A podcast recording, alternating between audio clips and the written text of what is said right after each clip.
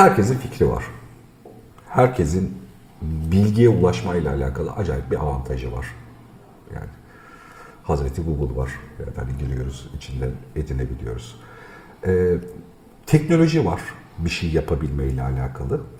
Bir sürü bir şey yapma için fırsat var ama bu yapma eyleminin kendisi gittikçe hepimize daha zor geliyormuş gibi görüyorum. Yani Burada bir yanılgı mı var? Şöyle bir yanılgı olabileceğini düşünüyorum. Yani kişisel olarak beklentimizin üzerinde bir yapma performansını bekliyoruz kendimizden. Bu, bu yanılgı da olabilir. Ya da gerçekten biz hep birlikte tüm dünya olarak sadece Türkiye açısından söylemiyorum bir rehavete mi giriyoruz yavaş yavaş? Herkesin çok ciddi potansiyeli var. Çok sık rastlıyorum. Bu kişisel markalaşma ile ilgili çalıştığım şeylerin içinde de var. Ya öyle konularla ilgili düşünmüş insanlarla karşılaşıyorum. O kadar güzel şeylerle ilgili fark edişleri olan insanlarla karşılaşıyorum. Ama o yapmaların hepsi zaman ayırıp, emek sarf edip işte belli bir süreyi, bu bazen birkaç ay, bazen birkaç haftayı oluşturabilecek bir sürenin oluşmasını, yapmasını bir türlü tamamlayamıyor herkes. Diyet yapamıyor, yeterince kitap okuyamıyor, doğru sohbetlerin, muhabbetlerin içerisinde olamıyor. Onlar olamıyor, bunlar olamıyor hikayesi. Niye yapamıyoruz biz? Ee, ne bileyim, bilmiyorum. Ee, tek bir nedeni yoktur ama harekete geçmek zordur her zaman. Yani bu maddi alemin kuralı işte atalet diye bir şey var, eylemsizlik diye bir şey var. Harekete geçmek için o cisme bir enerji vermen gerekiyor. Yeterli enerji yoksa bir kere zaten harekete geçemezsin. Fiziksel alemde de bu geçerli, bizde de geçerli. Ama bizde şöyle bir şey var, sen sorarken yani aklıma düşen bir şey o. Ee, bir şey yapmak zorunda mıyız gerçekten? Yani Ha. biz buraya niye geldik? Şimdi böyle bir şey var. Daha evvel bir programımızda ben hemen hemen her sunumumda hep tekrarladığım bir Mehmet Akif'ten bir dize tekrarlarım bir de Pentagram'ın bir şarkı sözünü. Çok yoruldun dinlen biraz misafirsin bu alemde etrafını seyret biraz fazla kalmazsın belki de diye. Ya hiç sağa sola bakmaya vakit olmayacak kadar bir şey yapma şehvetiyle yanıp tutuşuyoruz genellikle. Bu hiçbir şey yapmayıp evde tembel tembel oturduğunu düşünen insan için de geçerli. O tembelliğin, o hareketsizliğin nedeni keşke şunu yapsam düşüncesi oluyor çoğu zaman arka planda. Sanki hep böyle bir şeyler yapmamız gerekiyormuş da yapmıyormuşuz gibi bir psikoloji içinde yaşıyoruz. Birincisi bu. Bu benim gördüğüm bende de dönem dönem olan bir şey. Enerjiyi çok emiyor bir kere. Yani bir dakika o yapacaksın keşke yapsam diyorsun da niye? Yani onu niye yapalım? Mesela birçok şey mesela diyet niye yapayım diyet? Mesela bir baskül Ama bir başka sorununa da denk geliyor ya. Diyet niye yapayım? İşte ne bileyim sağlıkla alakalı bir problemin İşte sınırında. onu, ya da onu kendini sormaya. Mesela baskül müdür? Ee, Yani beden ağırlığı mıdır sağlığın ölçüsü? Bir kere mesela bu soruları sormadığımız için ya bir durup da bakmadığımız için, seyretmediğimiz için ezberletilmiş bir şeyler var. Ee, mesela işte falanca kiloda olmalı. Vücut kitle indeksi falanca olmalı. Günde şu kadar kalori besin almalıyım. Ya bunların hepsinin arka planında düşündüğünde gayet fos, gayet e, doğrulanamayacak bir takım sloganlar, iddialar ve kabuller var. Şimdi e, bu genel olarak hayatın içerisinde baktığında yapmamız gerektiğini düşündüğümüz birçok şey bize yapması gerekiliyor, gerekiyor diye öğretildiği için yapma arzusu duyduğumuzu zannettiğimiz şeyler. Aslında biz kendimizin ne yapmak istediğini bilmiyoruz çoğu zaman. Harekete geçememe sebebi de o bak. Çok iddia ediyorum. Kendi hayatımdan birebir söyleyeyim. Gerçekten varlık amacına uygun bir şeyi yapma fırsatı geldiğinde hiçbir itkiye ihtiyaç duymazsın. Kalkar ve yaparsın. Örnek tuvaletin geldi mesela. Sıkıyorsa yapayım mı yapmayayım mı diye bir sor. Olmaz. Kalkar gider onu yaparsın. Yapmak zorundasın. İnsanın kendi varlığına, varlığıyla örtüşen, e, hayat hikayesiyle örtüşen bir fırsatı yapıp yapmama gibi seçeneği olmuyor genelde. Ama araya gireceğim şimdi. O bize gerçek dünyanın, rasyonel dünyanın, dış dünyanın getirdiği bir baskı. Tuvaletin geliyor ve hani bunu yapmazsan olacak şey çok çirkin bir şey olabiliyor ya da çok rahatsız edici bir şey olabiliyor ya da işte üzerine bir otobüs geliyor yoldan çekinmen gerekiyor. Bunun gibi hayatımızda mecbur olduğumuz şeylerin içerisine girdiğinde iş hayatıyla alakalı, eğitimle alakalı bunları Bunlara yap- mücbir sebepler deniyor ya zaten. Evet, Ama bir de bunun haricinde kendi içsel olarak yani hani eski bir tabir kullanıyor. Kendini gerçekleştirmeyle alakalı. Senin yapıp da dünyada değiştirebileceğin bir gerçeklik de var. Yani seni kimse dış dünya mecbur tutmamış ama sen yaparsan bundan sohbet ettik işte dizi izlemekten vazgeçer ve onu yaparsan onunla ilgili konsantre olursan sen dış dünyada bir şey değiştirmeye başlıyorsun, etki oluşturmaya başlıyorsun. Şimdi bunun da birkaç tarafı var. Hani bir tanesi dış dünyada etki oluşturmaya başladığında en iyi niyetli etki bile negatif sonuçları da olabiliyor. Bundan korkan insanlarla da sıklıkla karşılaşıyorum. Kaygı duyuyor yani kötü bir şey oluşturmaktan. Ya da bir tür hata yapamama korkusu, özgüven korkusu, bir şey bir şeyler o harekete geçmeyi, o enerjinin oluşmasını. Diyet yapma bunun en sembolik karşılıkları. Yani bunun haricinde çok heves ettiği bir eğitim, çok ihtiyaç duyduğu bir eğitimle alakalı hiç hareket etmiyor, davranış göstermiyor. Çok yalnız hissediyor kendini, sosyalleşmeyle alakalı hiçbir davranış göstermiyor. Aşağıya herhangi bir yerde çay içmeye inmiyor ama evde kendini hep çok yalnız hissediyor. Yani ve bu, bu ikisi arasındaki bağı, zeki bir adam, yüksek eğitimli bir adam, bu, bu ikisi arasındaki bağı çözemiyor. Ya da ömrü boyunca şu konuyla alakalı şöyle yapsam mı, böyle yapsam mı diye düşünmüş, kaygı duymuş bir adam. Google'a girip de bununla alakalı kim ne yapmış diye bir kez aramıyor. Hani bu yapma eylemlerinden bahsettiğimde bu basitlikte. Bunu çok sık rastlıyoruz değil mi? Bunda hemfikiriz yani. Bana e-maille sorulan sorulan şöyle bununla ilgili ne kaynak okuyabilirim? Bazen ağlamakta oluyorum bilgisayar başında. yani bu şey gibi ne bileyim işte bir, bir ara bilgisayar ilk çıktığında adam biri müşteri hizmetlerini aramış. Bilgisayarımın çay tutacağı bozuldu diye. CD tutucuya çay koyuyormuş da geri girmemiş falan filan. Ya mesela e-maili böyle kullanacağını yani ona yazacağını harcayacak vakti Google'a gir yani ara bu soruyu artık sormaya gerek yok. Yani bu atalette kalmanın bahaneleri, yeni bahaneleri gibi. O beni oradaki psikoloji bak ilgilendiriyor. Şöyle bir örnek vereyim. Biz ne yapıyoruz şimdi? Bir şey çekiyoruz ve yayınlıyoruz değil mi? Nasıl yapmaya başladık biz bunu? Nasıl harekete geçtik? Şu balkonda konuşuyorduk. Konuşmaya devam ediyoruz. Tek yaptığımız Kameralar var. kameraları kurmak. Bu kadar. Bu zaten ola gelen bir şeydi. Bir sonraki aşamaya çok rahat çıktı, geçti. Daha başka aşamalara da gidecek muhtemelen. Çünkü bunun için böyle çok büyük plan programlar yapmak, bilmem ne yapmak gerekmiyor. Zaten bizim yapmak istedi, gerçekten istediğimiz, yapa geldiğimiz, hazırlığını hayat içerisinde akarken ürettiğimiz bir şey ortaya çıkıyor. Şimdi Ama şimdi burada araya gireyim. Bunu o kadar da hafife almayalım. Aynı zamanda bunu başlarken denk geldiğimizde sohbetini yapıyorduk doğacında. Ama şimdi buna vakit ayırma için sen de hayatında bir sürü şeyi, ben de hayatımda bir sürü şeyi buna göre düzenlemek zorunda Aynen öyle. Şimdi onu diyeceğim. Şu anda ne oldu? Mesela bir başka soyadı yine Can ve Canan olan iki kişi gelse bir araya. Biz de önce Can sonra Canan gibi bir şey yapacağız. Var ya yemek sepeti gibi bir şey yapacağım ama biraz farklı. Biz de böyle bir şey yapacağız dese, oturup planlamaya başlasa ne olur sence? Böyle bir şey olmaz. Çok süper bir şey yapıyoruz demiyorum ama bu akış orada olmaz. Başka bu, bir şey olur. Bu hal ol, başka bir şey olur. Ee, yani bunun rakibi bile olmaz. Çünkü bu doğal olarak harekete geçmiş bir gücün ortaya çıkarmış. Şimdi bize neden rahat geliyor bu iş? Bahsettiğim sebeplerden. Yıllar süren hazırlıklar var. Senin burada, seninle burada konuştuğumuz konular bizim zaten yıllardır bir şekilde içinde olduğumuz, kafa yorduğumuz vesaire mevzular. Hala da üzerine Ha, okuduk, Tabii okuyoruz. falan. Aralarda muhabbet. Yani bu muhabbet aralarda da devam ediyor kameralar çalışmadığı zaman.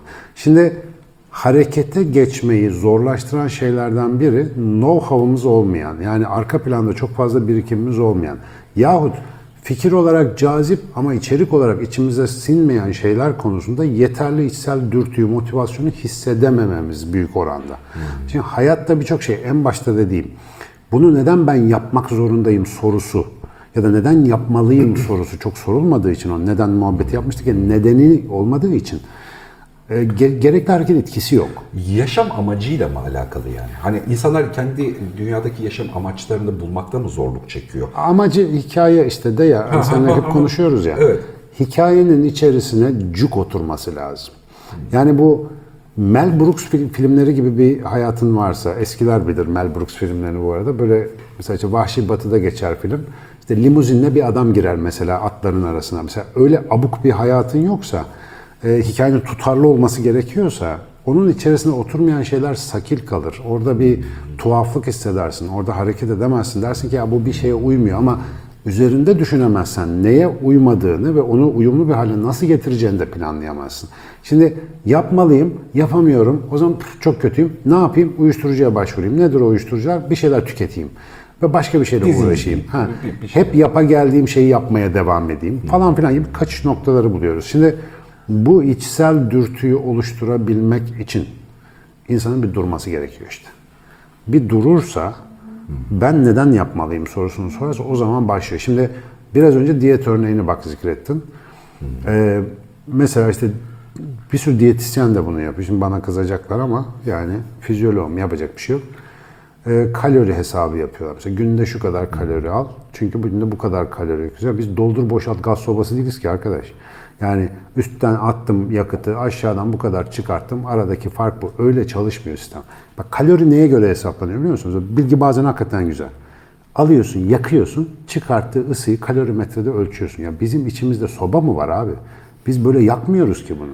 Yani bizim biyolojik organik moleküllerden enerji elde etme kafamız bambaşka ve bu bütün biyokimya kitaplarında yazıyor. Diyetisyenlere de biz bunu öğretiyoruz. Ama birisi bize kolay bir yol koymuş zamanında. Kendince bir kısa yol bulmuş. İşte yaklaşık yakınca çıkan kadardır falan diye. Halbuki külliyen yanlış. O yediğin yemekte ettiğin muhabbetten aldığın zevki, o yemekle ilgili tarihsel tecrübeyi, geçmişine her şeye göre o aldığın besini sindirme oranın, o günkü ruh hali neyse hepsine göre değişen bir şey. Metabolik durumuna, hareket miktarına her şeye göre değişir. Dolayısıyla diyet ve kalori hesabı bak gümledi. Bu bilgi alınca bitti o iş. Yani bırak bir e, geçerliliğinin zayıf olmasını hiçbir geçerliliği olmayacak bir bilgi o. Şimdi bu devreden çıkınca kilo, çok kilo zararlı. Ne biliyorsun? Kim diyor bunu? Mesela çok kilolu insanların avantajları var biliyor musun? Fizyolojik olarak avantajları var. İleriki yaşlarda 50-60 yaşından sonra kas dejenerasyonu olur insanlarda. Çok yağlı insanlarda bu dejenerasyon daha az oluyor. Ve eğer morbid Ama bu dediğim obezite... birazcık şeye dönüyor da yani. Hani Durmuş Bak- bir saatte günde iki defa doğruyu Değil göstermeye değil. dönüyor İşte yani. Öyle değil, öyle değil. Bak mesela baskülle sağlık ne getiriyor? Ya estetik konusuyla tartışmayayım ama sağlık sınırı da belli bir kilonun üzeri riski arttırıyor. Yani. Ya şöyle normal kilonun üstündeyse tabii ki başka bir problem vardır orada. Fakat insan normal yiyor, normal yaşıyor. Ya hep örnek verdiğim rahmetli Süleyman Demirel abi. Adam bütün tıbbi kriterlere göre offside yani. Ama kaç yaşına kadar yaşadı? Ee, Rahmetli eşi Alzheimer'dan daha erkenden gitti mesela. Ki kadınlar normalde biliyorsun erkekleri gömer. Evet. Burada durum tersi oldu. Peki nedir bu tip figürleri? Winston Churchill sağlıksızlığın zirvesidir yani siyasi tarihte. Her türlü kötü alışkanlık, kilo bilmem ne. Yani bu insanları hayatta tutan, sağlıklı kılan başka bir şey var. Demiyorum ki adamın vücudu sağlıklı. Çünkü insan sağlığı vücuttan ibaret değil. Fakat bu insanların arka planda bir motivasyonu, şusu busu dedik ya hani insanı böyle motive tutan başka bir yazılım var arkada. Şimdi o üzerinde hiç çalışılmıyor. Ağızdan girenle, koşu bandı üzerindeki metreyle, işte sağlık uygulamamızın saatimizdeki bize verdiği direktiflerle sağlıklı olmaya çalışıyoruz ve buna yetişemeyince de depresyona giriyoruz. Danimarka'ya gittiğimde en çok eğlendiğim şey işte hamburgerciden hamburgerleri alırdık. Ee, Danimarkalıların her gün askeri bir disiplinle yaptığı sabah ve akşam koşularının yoğun olarak koşulduğu parkurun kenarına oturup yüksek kalorili yiyeceklerimizi gömçürken onları izlerdik. Mutlu değil herifler. Yani çoğu mutlu değil. Bir görev yerine getirir gibi hatara hatara oradan, hatara hatara oraya sürekli turlar atıyorlar o göllerin etrafında. Tamam benim gibi tembel bir Türk olmak da iğrenç bir şey ama yani bu da çok akıllıca gözükmüyor anlatabiliyor muyum? Arası var. Mesela neşeyle hoplayıp zıplayarak arada bir durup çiçek koklayarak falan koşan birini pek göremiyorsun. Hani koşmam gerekiyor ta ta ta ta. İşte yemem gerekiyor tık tık tık. Bu kadar. Hayat böyle bir şey değil. Biz kaotik bir sistemiz. Esas yapamama sebebimiz bence bu makinavari öğretilmiş yapmalıyımlarla ilgili ciddi bir varoluşsal sıkıntı yaşıyor olmamız. Hayat hikayenin içine oturan, o anda canının çektiği, sana uygun, neyse zamana münasip bir şey olduğumuz zaten oluyor. O zaman şunu Ve ayıklamak... o o şey- şeyi de tamamlayayım. Demin dedin ya belli bir kilonun üstünde olmak zararlı. Evet zararlı. Yapmam gerekiyor, şöyle yaşamam gerekiyor, yapamadım. O zaman gömeyim pastaları şeklinde ortaya çıkan o obsesif yeme, aşırı tüketme. Mesela o işte devasa insanlarla ilgili belgeseller var. Yüzde sekseninin taciz öyküsü var. Bir sürü hayatta arızalı psikolojik sorun yaratabilecek e, şeyde geçmişleri var. Yiyerek kendileri intikam alıyorlar aslında. E, oradaki bir sorunun yansıması, yani sen kiloyla uğraştığında onu düzeltmiyorsun. Onu anlatmaya çalışıyorum.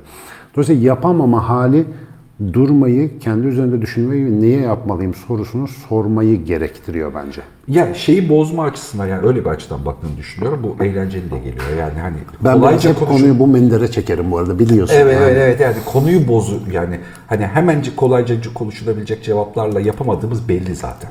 Bunu da bozup üzerinden başka bir şey konuşmak gerekiyor. Ama Şey- alıştırmaları var onları anlatabilirim sonra. Ha, şeyi çok anladığımı zannediyorum. Şu büyük sorular sorma hikayesini yani bu yaşam anlamını doğru şekilde anlam her neyse nasıl pozisyonluyorsa yani amacını, anlamını, yaşamının hikayesini nasıl tarif Hayalini. edecekse, hayalini bulma, buna ikna olma, bunun içerisine yerleşme, kültürünü buna göre evritme ya da o amacı bu kültüre göre organize etmenin çok önemli olduğunu, bu çözülmeden geri kalan şeylerin çözülemediğini çok anlıyorum, ya rastlıyorum. Kendimde de bunu anlıyorum.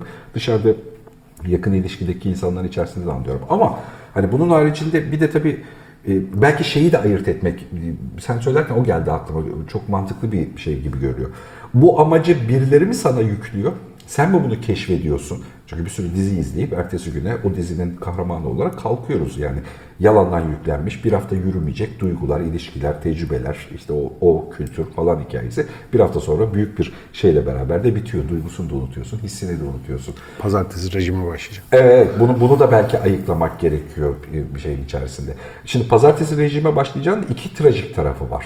Pazartesi rejime başlayacağımda e, kolaylıkla vazgeçebildiğin e, bir pratiği. Öteki tarafı da ama mütemadiyen devam eden bir kendinden memnuniyetsizlik hissi de vardı. Yani birini sıyırdığımızda öteki tarafın depresyonu hala devam ediyor. İkisini de sıyırmak gerekiyor. Kendinden memnun olmayı öğrenme. Pazartesi rejime başlamadı ya da başlamama. Yani hani bunu da doğal bir seçimle seçebiliyor olma. Bir mecburiyetin dalgası içerisinde değil. Ee, önce bir TEDx konuşmasında izledim.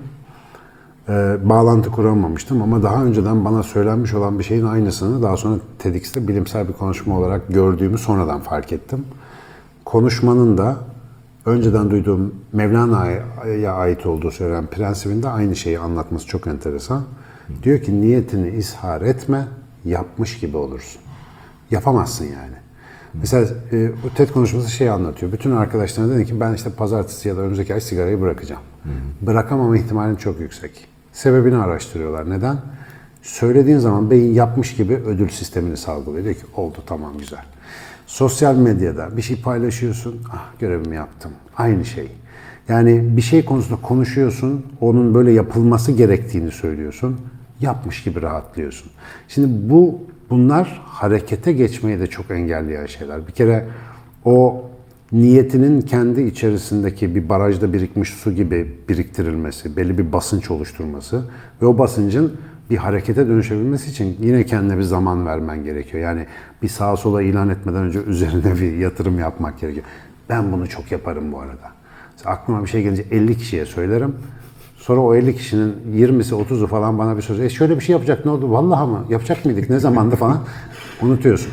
Önemli hatalardan bir tanesi o. Benim harekete geçemediğim birçok işteki arızam da bu arada budur. O pazartesi başlanamayan rejimlerin bir kısmının altında da bunun yattığını çok iyi biliyorum. Herkes kararlıyım. Yapmayla alakalı şöyle bir kritik bir şey vardı. Yani bizim kendi bireysel olarak işte o hayatta var olduğumuzu kendimize göstermenin karşılığının sadece yapmalar olduğunu biliyorum. Yani o rasyonel hikaye. İki de karşılığı var. Yapınca güzel olan şeyler, yapınca hata yapılan şeyler. Yapınca yanlış yaptığımız ya da hatalı bir şey yaptığımız şeyler. Hatalı yapınca öğrenme eylemi gerçekleşiyor. Güzelini yapınca motive oluyor, bir sonrakine gidiyorsun. Bu böyle bir dinamo. Yani herkesin hayatına baktığımızda başarı kelimesiyle tarif edecek olsak ki bunu kullanmayı sevmediğimi bi- biliyorsun aslında. Hani Evet, buna bu- biz, biz, biz bir masa olarak bunu sevmiyoruz. seviyoruz e, bir şeyde. E, çok başarılı bulduğum insanlarda da ya da başarısız bulduğun insanlarda da hikaye böyle bir döngüde gidiyor. Yani yapmış, yanlış bir şey yapmış. Öğrenmiş, yenisini yapıyor. Yapma devam ettikçe anlamlı hale geliniyor. Yani insan kendini mutlu ya da nitelikli bir nötr halde hissediyor.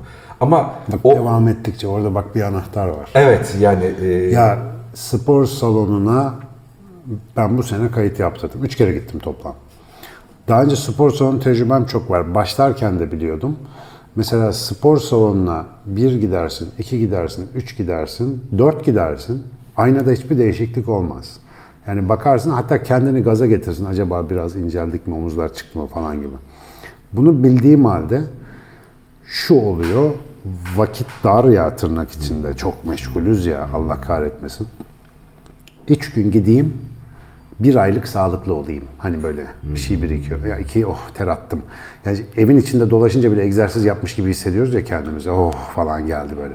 Halbuki egzersiz dediğin şey o bedensel sağlık hali sürekliliğe bağlı bir şeydir. Mesela perhize başlamak bu yüzden sıkıntılıdır. Perhiz hastaya verilir. Sağlıklı yaşamak için yaşam tarzı oturtturmak gerekiyor. Mesela başarı devam eden bir süreçtir. Yani diyet kültürdür aslında. Yani diyet diye bir şey yoktur. Yeme içme kültürünü tabii, değiştirmen beslenme gerekiyor. kültürü diye bir şey var. Yani yemeğe nasıl yaklaşıyorsun? Kendi beslemeye nasıl bakıyorsun? Bu, bu bunun değiştirmesi lazım. Diyet yap, bir ay yap. Dukan, Karatay'ın Allah ne verdiyse paleo yap bir şey. Ama bir ay bittikten sonra şalter öyle bir atıyor ki tam gerisin geri. Çoğu insan verdiği kilonun daha fazlasını geri alıyor. Çünkü beden sıkıntılı bir tasarruf moduna geçiyor. Diyor ki şu anda boğazdan kısıldı. Kendimi kötü hissediyorum ama bu rejim bitince içerideki o maymun beyni böyle diyor. Ben sana soracağım. Gömüyor kokoreçi, pastayı, işte kebabı neyi bulursa. Dolayısıyla o sistemi kandıramazsın uzun süre. Bak temel sorun başarı e, ya da işte hayatımda istediğimi yaptım diyen insanların, yapıyorum diyen insanların hayatlarına bak. Çoğunlukla o yolda geçiyor. Yani ama biz şimdi milleti nasıl yetiştiriyoruz gençlerimizi? Bu sınavı bir şey yap sen tamam. Bak bir sınavlık bir şeyleri var, motivasyonları var. Sınav bitiyor, sudan çıkmış balık. Okul bitiyor diplom, sudan çıkmış balık. Bir işe giriyor, berbat, Mars'ta bir balık. Hepsi yeniden başlıyormuş gibi oluyor. Öyle. Sıfırlıyor bir daha başlamak. İşte ben niye yırtınıyoruz biz daha önce de hep, hep aramızda da konuşuyoruz. Ben Bir, bir hedef koy, kardeşim, bir hayal koy. Oraya doğru yürü. Yani yol dağda çıksa aşarsın, yok tünel açarsın, altından bir şey yaparsın yani sonuçta. Ama başarıyı hap çözümlerden beklediğimiz için inceltici ilaçlardan tonla adam ölüyor biliyorsun. Ya evde oturayım, ilaç alayım, yağlarım yansın. Ya böyle bir dünya yok Allah'a şükür. Ama bunu varmış, olmasını istiyoruz. Bizim cennet algımız bu. Lök diye yatayım, Wall-E filmindeki o şeyler gibi. Ee, uzayda sadece meyve suyu içip taşıtlarla gezen tipler gibi. Hey, drink the bus. Here, take the cup. Hey, take the cup. Please remain stationary. A service bot will be here to assist you momentarily. Stewards. Hello. Please remain stationary. Ama hep zevk alayım, hep iyi olayım, hep gülümseyeyim. Böyle bir dünya yok. Yani la rahati fit dünya diye bir söz var ya eskilerin. Dünyada rahat yoktur. Yani dünya hayatı rahat içinde geçmez. İşte konfor çürütüyor bizi işte diyoruz hep. O yüzden bu bir olma hali ama insanı gerçek anlamda mutlu eden de yani yapmalıyım yerine oh çok şükür yaptık dedirten şey de süreklilik hali. Yani bir şeye gir git. Devamlılık hali, evet. Bu arada bunları anlatan ben Sinan Canan kendi adıma konuşuyorum. Öyle keşke her şeyde süreklilik sağlıyor olabilsem. Öyle bir şey değil. Ama arka planda sürekli çalışan bir şey var. Bu onun bir parçası. Bu arada iletişimde de yani son dönemde çok belirgin hale gelen şeylerden bir tanesi. Hani iletişimde fikir önemlidir vesaire. Hani içerik kalitesi önemlidir, önemlidir. Bir üçüncü bariz önemli şeyin süreklilik olduğu. Süreklilik. Yani belli bir ritimde tutarlı devam ediyorsan artık gelişebiliyorsun ve fark ediliyorsun. Benim mesela Tutarsızsan, tutarlı aritmiksen- olmayı dışarıda artık millet de alıştı bana muhtemelen. Tutarlı olduğum çok güzel bir yer e, oluşmaya başladı. Sürekli fikir değiştirme. Burada da tutarlıyım bak. Devamlı majör fikir değiştirmede tutarlılık. E, bu Türkiye'de bu döneklik denirdi. Artık en azından bana diyemiyorlar. Çünkü benim işim bu. Yani benim sürekli fikir değiştirmem lazım. bilgiyle bir şey değişiyor. Bu yani bu gidiş ben başarılı mıyım değil miyim bilmiyorum. Umurumda da değil. Yani bir başkasının başarı kriteri umurumda değil. Twitter'a birkaç hafta önce yazmıştım. İnşallah hepinizin keşke ölüp bir daha gelsem de aynısını yaşasam diyeceğiniz bir hayatınız olsun. Benim şu anda hayatım öyle. Yani bir sürü arıza çıkıyor, bir sürü şey yanlış gidiyor. Hiçbir şey belki istediğim gibi olmadığı zamanlar oluyor. Ama bir daha gelsem daha iyi bir seçenek istemem. Çünkü oralar riskli. Bilmiyorum. Bu güzel. Buradan bir daha giderim ben yani. Bu 2-3 tane şeyin sürekli olmasından kaynaklı. Öyle hayatta büyük bir şeyler yapmaya, işte yaşam gurusuymuş falan gibi konuşmaya gerek yok. Diyet yapmayın efendim. Yapma. Diyet yapma. Ama doğru ye. değiştir. Doğru ye. Ha, doğru ye.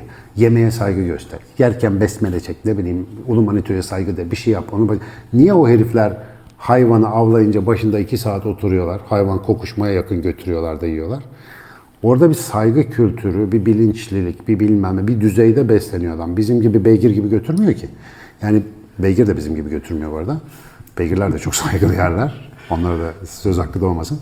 Ama oradaki o saygı düzeyi işte bilinçli yeme dediğin şeyi yani diyetisyenlerin bilmem ne sağlayamadığı bir ölçüde sağlayan bir şey. O yüzden az bir duralım. Yani Kültüre ihtiyaç var. nereden nereye geldi konu ama sanıyorum buraya gelmesi gerekiyordu ki Zaten yani. zaten buraya gelsin diye konuşuyorduk. Muhtemelen.